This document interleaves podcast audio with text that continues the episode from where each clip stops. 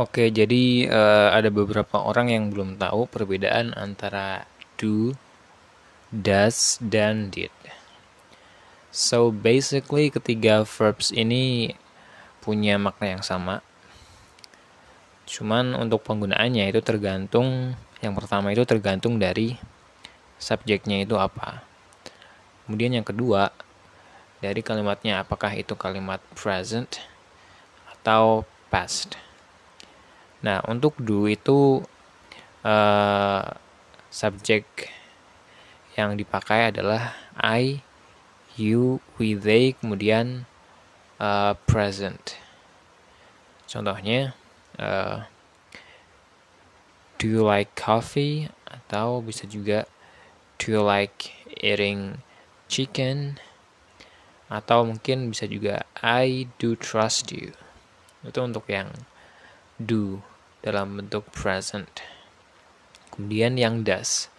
Nah, does ini sebenarnya sama aja kayak do cuman karena subjeknya adalah he, she, it, di mana kasusnya setiap verb yang diawali oleh subjek he, she, it itu selalu ditambahkan s atau es.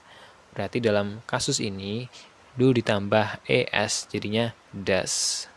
So, kita tinggal nambahin aja kalimat selanjutnya. Misal kita samakan sama yang tadi. Does she like chick? Does she like eating chicken? Atau does she like coffee? Atau bisa juga uh, she does trust you. Nah, itu untuk yang do dan does. Ini ya untuk yang present ya. Bisa juga dipakai untuk future.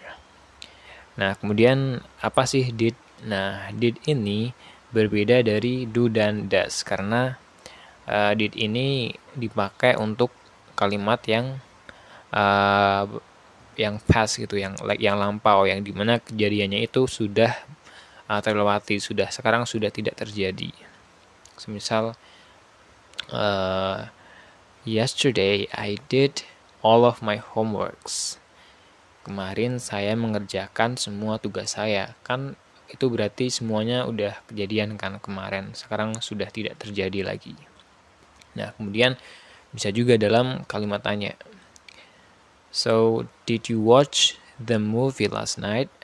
Apakah kamu menonton filmnya tadi malam? Nah, itu kan berarti did itu merujuk pada uh, pertanyaan tentang kegiatan semalam. Artinya itu sudah terjadi, sudah lampau. Nah, dan did ini juga bisa dipakai untuk semua jenis subjek entah itu I, you, we, they, ataupun he, she, it. So ya jadi itu perbedaan antara do, does, dan did. Uh, hope you like it and if you want to learn more about basic English, I hope kalian juga bisa ngefollow akun TikTok saya yaitu English with Zack atau kalian bisa tetap uh, pantengin aja dengerin podcast-podcast yang ada di sini.